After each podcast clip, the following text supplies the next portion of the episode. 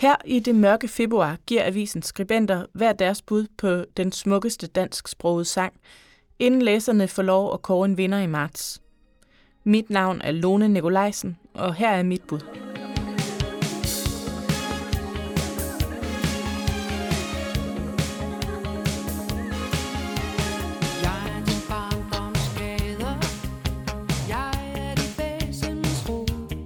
Den smukkeste sang skrevet på dansk er, hvis man spørger mig, et dansabelt 80'er-hit med børnekor, funky trommer, kæk synthesizer og en tekst fuld af ord som bekymret sind, vildt forladt, hade, hårdhed og spot.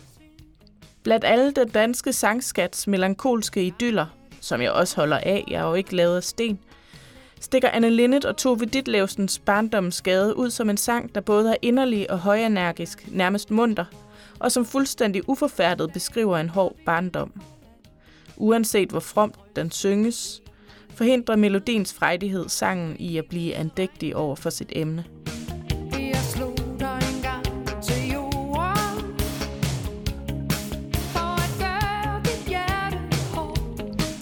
Linjerne det er mig, der har lært dig at have, jeg lærte dig hårdhed og spot, har jeg scrollet lykkeligt med på i alle de aldre, jeg har haft, siden Anne Linnet i 1986 udgav pladen Barndomsgade med det vidunderlige titelnummer, der også bliver brugt i Astrid Henning Jensens film af samme navn fra samme år. Filmen er baseret på Tove Ditlevsens erindringsroman fra 1943, mens det digt, der ligesom romanen hedder Barndommens Gade, optræder i hendes digtsamling Lille Verden fra 1942.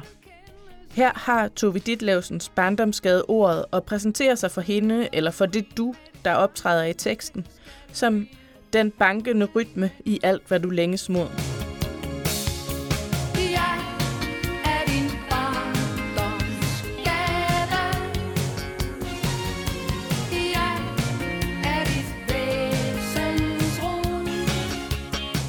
Digtet, som Anne Linnet har sat musik til, fortæller en historie om, hvordan man formes af det miljø, man vokser op i, og om det fællesskab af forslåede mennesker, der kommer fra det her sted.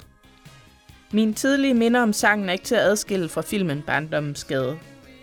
Den så jeg som et førskolebarn, der ikke ville sove, og blev belønnet for sin stedighed med at få lov til at se den film, der den aften blev sendt i fjernsynet, sammen med sine forældre. Det var den første film, jeg så, som ikke var en børnefilm, og det jeg husker var den store alvor, der lyste ud af Sofie Gråbøl i rollen som 14-årig Tove Ditlevsen på Vesterbro omkring 1930. Også følelsen af overhovedet ikke at fat, hvad der var på spil, husker jeg tydeligt. Den store alvor tilhørte ikke bare en anden alder, men også en anden tid og et andet miljø. Siden da har barndommens skade koblet følelsen af euforisk poplykke med stor, stor alvor og mærkbar vemod.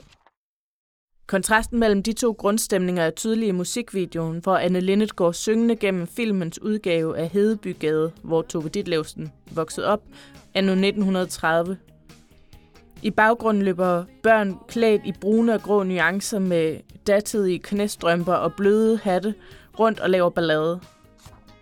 Halvvejs gennem sangen går en dør op, og en stor flok børn og unge, klædt i 80'er smarte pastelfarver, vælter ud på gaden, ivrigt og kajtet dansende sammen med Anne Linnet.